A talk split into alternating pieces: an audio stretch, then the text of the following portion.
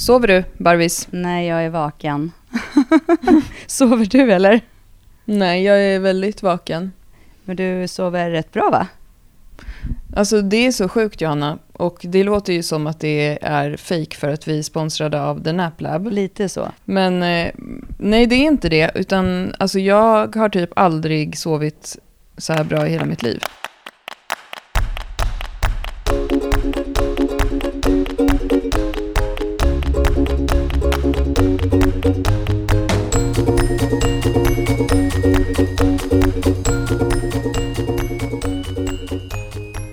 Är helt magiskt. Ja, men och jag tror att det har massa orsaker. Det är klart att det har det. Men jag tror att jag just nu är på en väldigt bra plats i livet. Typ, jag, alltså jag har ju sovit ganska dåligt i perioder typ hela mitt liv. Och sen i vuxen ålder så har sömn blivit kopplad till någonting negativt för att jag har haft så mycket så här stress och oro på kvällarna. För mig har det ju varit att jag inte kan somna på kvällarna och ligger och så här vrider mig. Och nu har jag kommit in i liksom sömnrutiner. Och det, alltså, det här vet man ju inte, det kan ju verkligen ändras till nästa vecka så händer det någonting och så liksom igen. Men det är verkligen, eh, jag typ längtar efter att gå och lägga mig på kvällarna. Och för mig har sömn historiskt sett i perioder varit nästan en sån här grej som jag har gruvat mig för på kvällarna. Att så här, åh nej, snart måste jag liksom börja med det här med att gå och lägga mig och då vet jag att det kommer vara jobbigt att sova. Men jag tänker också att du har ju verkligen brutit ett mönster. För precis det du säger nu är att tidigare så har det varit negativt. Och sen har du verkligen tagit tag i saker och skapat dig nya rutiner. Vilket har gjort att du har förändrat ett beteende kring det. Och att det också har blivit en positiv del. Men sen så tror jag som du, alltså såklart som du säger också att, att det är saker runt omkring som är mer balanserade och att liksom hur man mår och vilken balans man har i övrigt, att det är klart att det påverkar. Alltså, mm. så det, men jag tänker också att om det blir så att du faller tillbaka i perioder där du har svårare att sova igen, så kommer det kanske vara lättare att ta dig tillbaka till bra sömn. Fast mm. har man liksom, är det stora generella att man har en dålig sömn så kanske det blir så här, ja men i natt sov jag bra, men sen hamnar man lite tillbaka i det dåliga, medan nu är det tvärtom, att du har skapat dig bra rutiner som kanske gör att även om det blir, jag tror alltid att man kommer ju ha eller det är klart det är så, att man har omgångar när man har sovit sämre, man kanske är mer stressad, det är saker som oroar en mer och så vidare. Och då kommer det kanske bli så att man faller tillbaka, men det blir mindre bakslag än att det liksom blir något konstant då.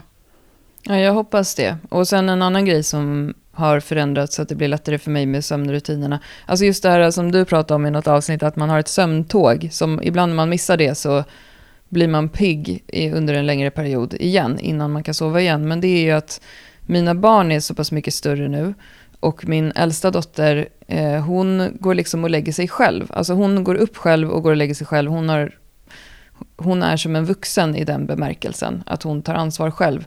Och det gör att jag inte behöver vänta tills hon har gått och lagt sig för att jag ska gå och lägga mig, om du förstår vad jag menar. Mm, jag så nu är det ju så, oftast den här senaste veckan så har jag gått och lagt mig före henne. Um, jag går också upp före henne på morgnarna, men det, det gör ju att jag liksom kan ta mitt sömntåg när det kommer, istället för att behöva anpassa mig till någon annan. Mm. Gud, det är så härligt, för det gör ju såklart massor och eh, om man ser till din träning så har ju det verkligen också blivit skillnad i hur du känner för träningen. Alltså både motivationen att träna men också passen. Att eh, då är mycket mer power i dem. Ja, det är jättebra. Sen hade jag förra veckan en lång träningspaus för att jag gick och kände så här, hmm, håller jag på att bli sjuk eller inte? Och just nu under pandemin som pågår så är man ju mycket mera på sin vakt för det. Eh, om jag hade varit i mitt gamla liv, eller vårt gamla liv, om, som var före pandemin, då hade jag kanske testat att gå och träna, du vet, för att känna om jag hade något i kroppen. Men nu vågar jag inte göra det, för att det känns dumt att riskera någonting och att gå till offentliga platser när man inte vet. Men jag har haft lite så här, och det är klassiskt för mig när det är så här väderomslag, att jag har blöd i näsblod och sånt. Och det gör jag, det gör jag varje vinter, det har jag gjort i hela mitt liv. Men jag var lite så här, hmm, kan det vara någonting på gång? Och sen visade det sig att det var inte det. För att jag, sen mådde jag bra. Men mm. det, så det blev inte så mycket power förra veckan i träningen. Men det, ja, det stressar inte mig ändå. Nej, och sånt kommer ju alltid komma. Man har ju alltid perioder när man inte kommer träna lika frekvent.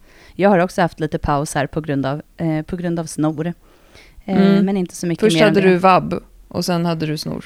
Först var det vabb och få ihop vardagen och sen så var det snor. Men, eh, men jag är på banan nu, så det är lugnt. Det är bara att eh, köra på nu.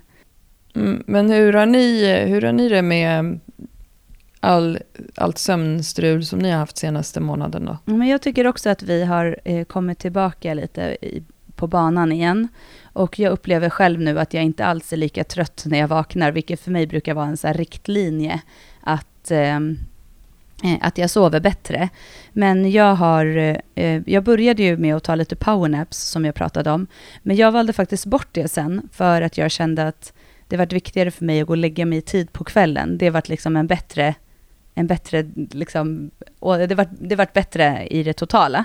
Så Mm. jag, eh, jag gick, har faktiskt gick och la mig väldigt mycket tidigare än vad jag brukar ett tag. Och nu jag, skulle jag säga att jag är tillbaka och går och lägger mig den tiden jag brukar. Så att Mm. jag är i kapp, men det är också för att jag får sova på nätterna. Jag märker också att eh, Ludde sover eh, längre tid i sin säng innan han vaknar och kommer in till oss. Och när han Mm. kommer in till oss så somnar han om väldigt fort. Och det är en stor skillnad. Förut så var det liksom att han sparkade mycket, han sov oroligt också. Och det kan ju såklart vara perioder i deras liv när de sover oroligt av olika saker. Han hade så här natt, vaknade och skrek och så här, lite så här nattskräck och sånt tror jag. Men eh, han har också faktiskt fått ett nytt eh, täcke, och inte ett tyngdtäcke nu, men jag, har, jag tror att det är planen att han ska få ett eh, barntyngdtäcke, alltså som är lite lättare än mitt. Men han har fått ett tyngre täcke, som, eller egentligen ett duntäcke som är varmare. Han hade bara så här jättetunt. Och ett varmare täcke, och sen har han eh, fått testa eh, Sleepy Sheepy, som är ett gossefår från The Nap Lab som är liksom mjukt och gosigt och sen så innehåller det lite, lite vikt. Så jag har så här, nu har jag några nätter när jag lägger, då lägger jag täcket på honom, alltså Mm. varma täcket som ändå är ordentligt, så här, bäddar in honom. Och sen lägger jag det här eh, fåret eh, uppe på, eller lammet, Mm. vad man nu säger. Det är verkligen jättegulligt, så här, litet gulligt, gulligt lamm. Och så lägger jag det uppe på, så att det blir verkligen att han ligger mer inpackad. Och jag tror, det här är bara mina egna, liksom, så här, som jag, som jag har tänkt på nu, att det gör att han faktiskt sover längre, för att han får ändå, han blir lite mer inpackad och varm och skyddad på något sätt. Att det där andra täcket har typ bara fladdrat runt och så trillat av lite. Mm. Så vi, jag ska, vi testar det lite nu och så får man utvärdera. Men det har också gjort att alla har fått bättre sömn hur som helst. Ja, vad skönt. Ja, så, nej men så, så vi är liksom, jag skulle säga att vi är på banan med sömnen. Det känns bra. Ja, då gratulerar jag dig. Ja, alltså det är ju tack. hemskt när man inte sover. Det är lite tortyr faktiskt att inte få sova. Alltså man blir, man blir inte en trevlig människa och både jag och Anton sov dåligt och då märker man också du vet, hur man blir så här att alla små saker blir för det första extremt stora och att man känner hela tiden då den här orättvisan att man tycker alltid att den andra får sova mer. Fast när man så här sätter sig ner och bara, men okej hur är det egentligen? Så inser man att det är ingen som sover. Men min känsla är hela tiden att så här, jag måste gå upp och det är hans känsla också. Alltså, och Mm. det är ju för att man inte, så här, man, det enda man vill är att få sova. Alltså man blir så här trött hela tiden. Nu känner jag Ja. liksom att jag vaknar och så här, ja men jag går upp, jag, nu är jag pigg liksom. Och det är lite samma för honom, så det är väldigt skönt. Jag har ju också, mina barn har ju också fått testa Sleepy Sheepy från The Nap Lab. Mm. Eh, och eh, Ines, min yngsta dotter, älskar ju den här, det här lammet. Ehm, och hon eh, använder det som typ någon slags snuttefilt eller någonting. Hon har gått omkring med Sleepy Sheepy i en vecka nu. Så hon har till och med haft med Sleepy Sheepy till hemmakväll när hon köpte godis. Och eh, eh, hon sover liksom med den så här... lite runt eh, halsen, som en, ja, men du vet, som en snuttefilt. Att man så Mm. drar upp den och har själva nallen mot kinden. Så hon älskar den och hon är väldigt så inne på produktutveckling nu. Hon bara, det ska vara fler djur, det ska finnas grisar, eh, det ska finnas, eh, vad var det mer det skulle vara? Giraff tyckte hon att det skulle vara också. ja. Och, eh, och sen tyck, har hon även en annan idé till The Nap Lab, att hon tycker att de ska göra så här, du vet, vad heter det, vetekudde? Alltså Mm. att det ska vara en så här tyngd filt som man kan värma i mikron också. Mm, Så att den blir varm. För en sak som hon gillar, det, då är det lite inne på samma spår som du är med Luddes sömn. Mm. Hon gillar att det blir så här varmt. Ja, Eh, att den är varm mot den hela tiden. Så det blir kanske lite som att sova mot en person på något sätt. Mm, ja, men jag, jag, det där, jag, exakt samma uppfattning för, alltså för mina barn. För båda mina, alla mina tre har ju fått testa de här. Och alla sover med dem. Men eh, både de andra, de andra två som är äldre, de tycker ju att den är så väldigt mysig och gosig och, och verkligen just det som du sa, eh, gosedjuret. Liksom. Men de har den också nära sig när de sover. Ludde är mer så här, där använder jag den. Men han har aldrig varit speciellt mycket gosedjursperson. Både Moa och Lovisa gillar ju gosedjur liksom. Ja. Men, eh, men de tycker också att den är väldigt mysig. De var ju så när de fick dem, de bara åh popcorn och, och vad heter det, sockervadd och så här, för att den var så gosig och fluffig. så de, den fick så namn från, eh, av dem direkt. Så det är härligt. Ja, den är mysig. Ja, och, och uh, nu faktiskt imorgon, den 27 oktober, så är det ju nallens dag. Eh, det här är ingenting som vi har firat i vår familj, men eh, jag har läst mig till att eh, den första eh, nallen tror man eh, kom 1880 som tillverkades av en tysk kvinna som hette Margarete Steif.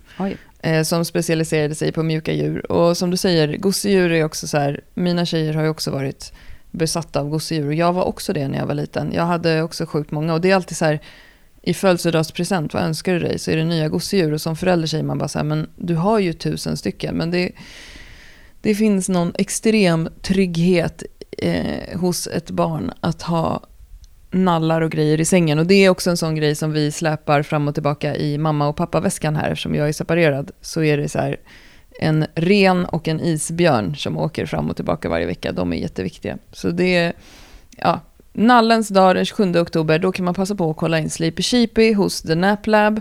Eh, vi har fortfarande oktober ut, så man har några dagar på sig. En rabattkod hos The Nap Lab på alla deras produkter.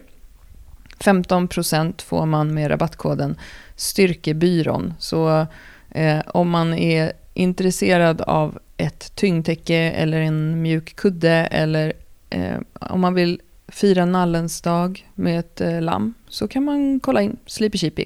Mm, härligt. Man ska inte unders underskatta gosedjuren och tunga varma tecken. Men du, nu går vi vidare här i vårt avsnitt och eh, följer upp snacket lite med eh, i vårt knäböjsprojekt här. Kul att det har blivit en sån succé, Johanna. Jag är också väldigt stolt över dina professionella filmer som du har gjort på egen hand där du har pratat knäböj. du har varit det. jättefin i dem. Tack. De finns på vårt Instagram. Um, och vi kan ju se i vår statistik på Instagram hur många det är som har eh, sparat och skickat vidare filmerna som vi har gjort. Och det känns jättekul att det kan inspirera. Vi har ju snackat eh, teknik i knäböj, eh, att man oftast löser sina teknikproblem i knäböj med att göra mer knäböj och sen har du snackat utrustning och sen har vi pratat lite så generella principer från början. Snackade du om eh, vad man förhåller sig till, till exempel Newtons lag och så vidare, mm. eh, när man knäböjer. Och sen har vi fått en del frågor om det här med assisterande övningar till knäböj. Alltså vilka övningar som vi tycker är bra att göra vid sidan av sina knäböj som kompletterande övningar för att bli bättre på själva knäböjen. Ja, och när man pratar, när folk säger så här, assisterande övningar till knäböj, då eh, upplever jag att många tänker så här, att man ska göra så här benrelaterade övningar. Det är det man liksom någonstans är ute efter. Mm. Eh, men när man pratar assisterande övningar eh, som, och liksom generaliserar, så skulle man rent krast kunna säga att så här, det beror ju på vart, vad du behöver göra. Och min generella uppfattning, eller upp, eh, som bild som jag har byggt upp av de vi har träffat när det gäller knäböj, så skulle jag snarare säga att eh, det är överkroppen och bålen som kanske är i mer behov av att förstärkas. Alltså bli bitigare på överkroppen och kunna palla lite mer i bålen. Eh, än att det är benen som är ett problem i knäböjen. Är du med på vad jag menar? Ja, därför att benen och eh, alltså, rumpa och lår är ju bland våra största muskler på kroppen. Gluteus maximus är vår största muskel på kroppen.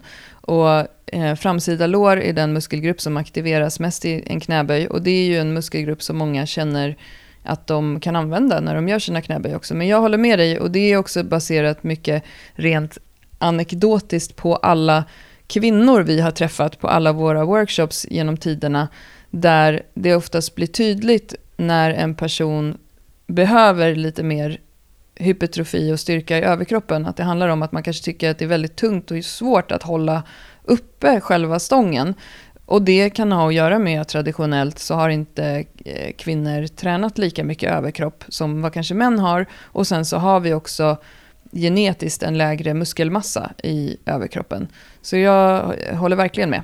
Ja, så, och då blir ju liksom frågan så här egentligen, behöver man assisterande övningar? Är det något man ska göra? Så ska man göra, när man har gjort sina knäböj säger vi då, eftersom det är knäböj vi fokuserar på nu, behöver man göra något mer egentligen? Alltså egentligen rent, behöver man ju inte det. Nej, för rent styrkemässigt, om det är knäböj du vill bli bra på eh, och stark i, så är det ju så att jobbar du med knäböj så kommer du också bli starkare i knäböj.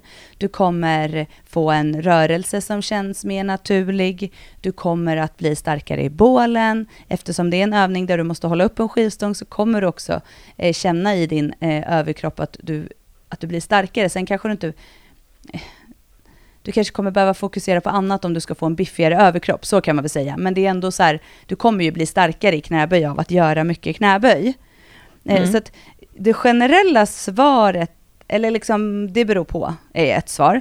Men att jag tycker att man måste ta hänsyn lite, hur mycket tid har du och vad är ditt fokus? Eh, och sen så kanske också så här, är det så att du i dina knäböj har svårt att komma framåt, om du har gjort mycket knäböj, då kanske man får fundera på ett, har det gjort och följt? Har det den pro progressionen som behövs för mig? Eh, är, är det tydlig med, eller har jag tillräckligt mycket mängd knäböj, eller har jag för lite, eller är jag för mycket? Eller, alltså, sånt måste man analysera. Sen kanske man kan börja fundera på så här, okej, okay, jag kanske behöver lägga lite extra fokus på överkroppen för att hålla upp skivstången. Eller jag kanske har ont någonstans jag måste nog se till att liksom fixa till det först, innan jag kommer kunna bli starkare i mina knäböj. Alltså, mm. Så att det skulle jag säga kanske är de två så huvudområdena för de assisterande övningarna och syftet med dem. Ja. Men, men, sen så tycker jag inte att man ska ta bort eh, att man tycker att det är roligt att göra andra övningar. Alltså, mm. alla människor kanske inte älskar att göra knäböj till döden skiljer dem åt. Nej, det är, jag kommer ihåg um, ett av de första styrkeprogrammen som vi körde när vi började lyfta för hundra år sedan. Det var ju 531 av Jim Wendler som vi har pratat om i något annat program, att det var ju alldeles för lite volym för oss. Alltså det var tre set eh, i maxstyrka. Och det är alldeles för lite när man lyfter på den, de vikterna som, som i alla fall jag gjorde på den tiden. Men där fanns det ju då att man kunde lägga in i den appen ett tillval att göra assisterande övningar också. Och de mm. assisterande övningarna var ju knäböj. Ja, fast mera repetitioner helt enkelt. BBB kallades det, boring but big. Och då gjorde man fem gånger tio. Ja, men jag är ju så här, jag som själv älskar de här övningarna, alltså knäböj, marklyft och bänkpress, basövningarna, som är vår utgångspunkt typ i alla våra program. Eh, jag älskar ju det. Alltså jag har så inget behov av att göra massor med assisterande övningar. Alltså om jag, nu, tar, nu talar jag bara utifrån mig själv, så det är ju ingenting baserat på vad mm. någon annan ska göra. Men alltså, så jag älskar ju det. Liksom. det är, jag, jag, kan ju gå och bara göra knäböj eller, och bänkpress, typ. då är jag nöjd. Liksom. Precis, men om man sen tittar på dels vilka träningsprogram vi säljer mest i vår shop och sen de som vi har tränat så är det ju så att de allra flesta tycker att just det där är väldigt tråkigt. Väldigt många människor letar ju efter att det hela tiden ska komma något nytt. Liksom, mm. Och att det ska vara eh, variation. Och om det gör eh, att man har lättare att gå till gymmet för att man tycker att det är roligt att det kommer lite annat också, då är ju det inget fel. Men det är ju absolut ingenting som man verkligen måste göra. Däremot så kan det ju bli en tydlig känsla i om man till exempel, som vi hade i Team Styrkebyrån en period, så fokuserade vi på hypertrofi i benen. Det kan ju ge en extra skön känsla i knäböjen eh, efteråt för att man har fått just lite mer volym där. Men du kan ju också få då mer volym av bara knäböj. Så man får ju verkligen välja själv vad man, vad man eh, tycker eh, där. Men sen kan det också kännas generellt skönt för kroppen att göra lite andra rörelser. Um, alltså i andra plan, nu ska jag inte gå all 3D för det, men um, i andra riktningar. Att jobba med bålen i till exempel antirotation eller rotation. Sådana saker kan ju också kännas generellt bättre för helhetskänslan i din kropp efter en träningsvecka. Om du har rört dig på lite andra sätt också. Men det är ju inte eh, 100% bevisat att du kommer bli bättre på knäböj för att du gör fyra set kosackböj och lite joystickpressar. Nej, nej, absolut inte. Men jag tror också att som du är inne på, det här att många som tränar, tränar ju inte knäböj kanske heller för att tävla i styrkelyft. Eh, och då är det också så här, då kanske det blir eh, mera viktigt att göra mycket olika rörelser och att inte bli för frekvent i bara en rörelse, utan att faktiskt träna igenom hela kroppen lite mer eh, med mm. också lite mindre rörelser. Eh, och att också lägga lite energi på mindre muskler som kanske är mer inaktiva i sin vardag för att man sitter vid datorn till exempel. Alltså så att det finns ju ändå nytta i det. Eh, man måste liksom skilja på vad så här, Eh, vill du bli stark i knäböj? Vill du bli bra på knäböj? Okej, okay, ja men då kanske du inte måste ha massor med assisterande övningar. Medan om du tränar för att, ja jag vill bli starkare, men jag tränar också för att ha en, håll, en hållbar, hållfast kropp som inte får ont. Då kan det ju vara så att gör jag bara knäböj, gör jag bara marklyft, gör jag bara liksom, stora rörelser, så kanske jag också lättare, jag säger inte att det måste bli så, jag säger inte att det finns forskning som visar det, men av erfarenhet kan det faktiskt vara så att man kanske får lite ont och att det blir saker som gör att man inte ändå kan träna på de vikterna man vill. Mm. Så det är lite en så balansgång och, och jag tycker att man inte ska vara så himla man behöver inte vara så svart eller vit i det, i den diskussionen Nej. som i allt annat, att det finns ändå lite nyanser av grått liksom i det.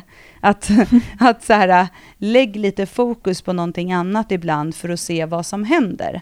Precis som mm. du sa, men lägg lite fokus på att göra lite bodybuilding för benen. Ja, men vänta, helt plötsligt så var det faktiskt så att jag kunde lägga på lite mer. Eller lägg lite fokus på bålen eh, en, en, tid. Eller lägg lite fokus på att biffa till dig på överkroppen så att du pallar ha skivstången på ryggen med lite tyngre vikt. Se vad som händer, för att jag tror att många låser fast sig i och tänker så här att eh, det, det assisterande till knäböj är baserat på bara ben.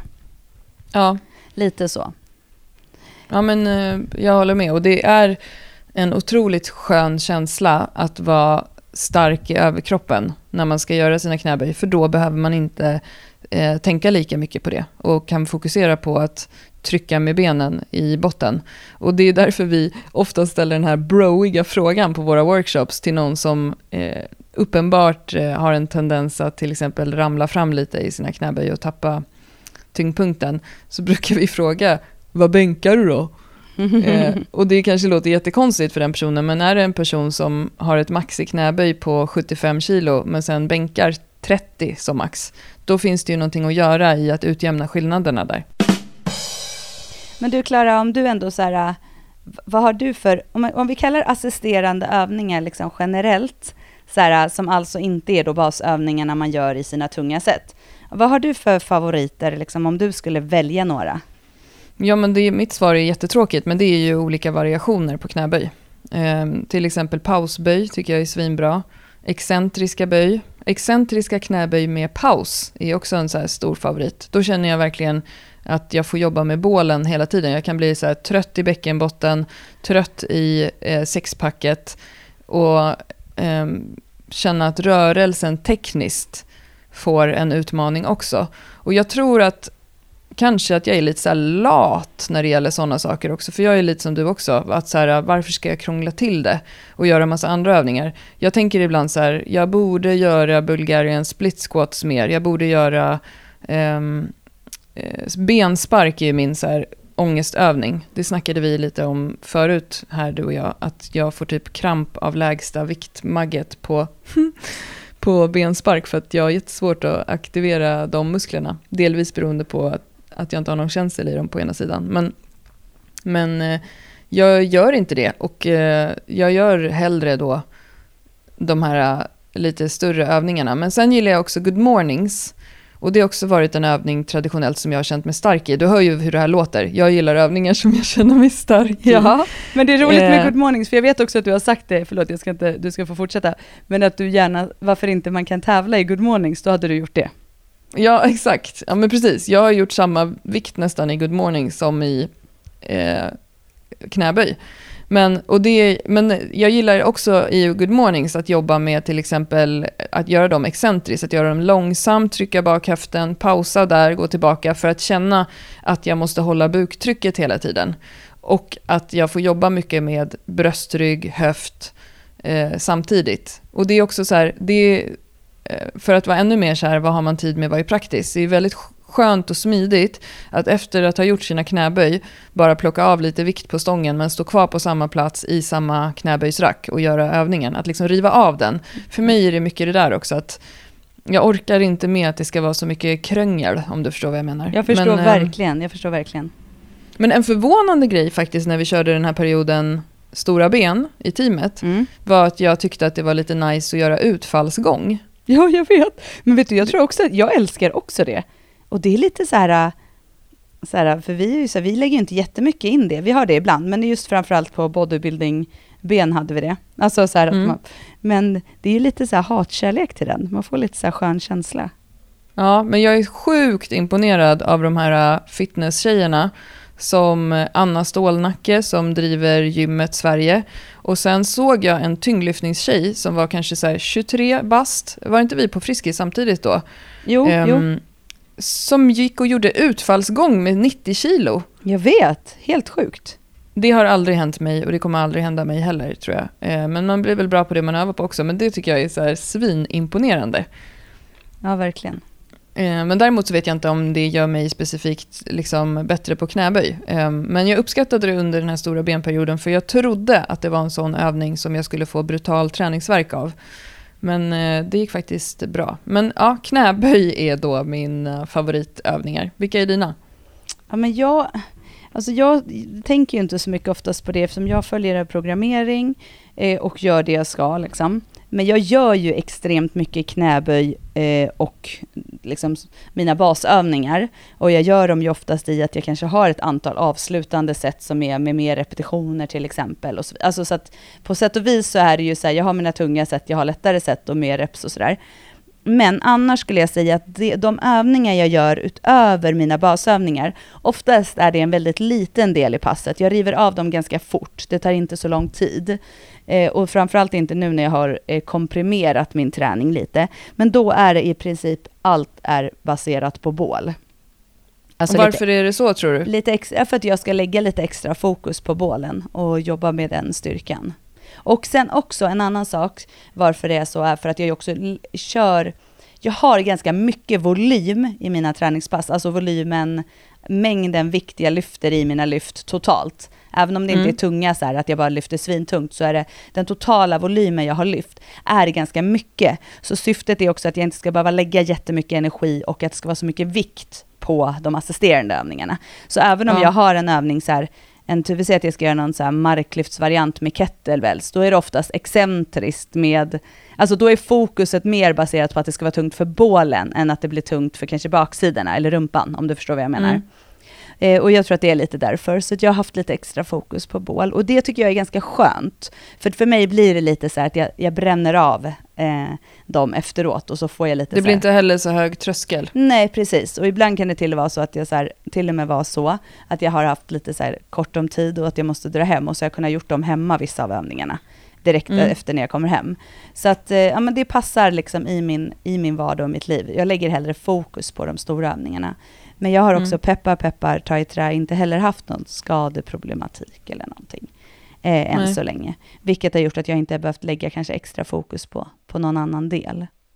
Nej, och det du säger nu, det är ju också viktigt att eh, lägga till om man pratar om det här när man behöver göra assisterande övningar. För det kan ju ibland vara så att man har smärta någonstans ehm, eller är liksom extra svag någonstans baserat på till exempel en gammal skada. Och då kan det finnas en poäng att lägga in assisterande övningar till knäböjen för att komplettera till sina knäböj. Det blir ju väldigt specifikt då. Mm. Men, och ibland så kan det faktiskt vara så att man faktiskt kan göra sina knäböj för att man har till exempel fått rekommendationen av en fysioterapeut att du får känna av din höftböjare i knäböjen på en skala 4 av 10. Men det är viktigt att du kompletterar med eh, de här övningarna för höftböjaren också för att stärka upp helheten. Och där blir det ju väldigt tydligt att eh, de assisterande övningarna har ett eh, specifikt syfte. Samma sak, vi har ju haft en del klienter med klienter, brukar vi säga så? Nej, Kunder. Mm. med knäproblematik. Och ibland har ju de kunnat göra knäböj, men kanske just en variation på knäböj. Och sen har vi lagt in assisterande övningar som jobbar med att, att stärka upp kring sina skador. Så har man en skada eller en smärta, då blir det ju en helt annan eh, fråga än vad det blir om det handlar om att bara bli generellt starkare. Knöt ihop säcken på ett väldigt fint sätt. Eller hur? Mm-mm. Ehm, så att eh, sammanfattningsvis, om du vill bli stark i knäböj så absolut räcker det att bara göra knäböj. Men om du tycker att det är tråkigt, lägg in andra övningar. Och om du vill se om det faktiskt kan göra någon skillnad, så lägg också in andra övningar. Och när vi pratar om andra övningar så kan det faktiskt också vara i, under en period att stärka upp överkroppen, alltså att bli starkare där. Att man inte gör specifika knäböjningsvariationer. Och eh, några dagar till, alltså oktober ut, så har vi samarbete med The Nap Lab och en rabattkod där hos dem som är Styrkebyrån och den ger 15% i deras shop. Ja, då får du köpa ett litet eh, barntäcke till Ludde så att han Mm. håller sig i calm, submissive state of mind på nätterna som the, the dog whisperer Cesar Milan brukar säga om sina hundar. Jajamensan, mycket sömn, det blir bra. Vi sover vidare. Precis. Eh, och eh, det, du kan också spana in eh, vårt nya program Beefcake 3.0 i vår shop som vi precis har släppt nu i helgen. Och ett också svinroligt program som jag till och med blev sugen på att köra är ju Mandalayas Don't Run 3. Eh, som är ett EMOM-program som hon har gjort. Som har tre stycken olika block. Där det första blocket är lite så här grundläggande EMOM eh, basstyrka.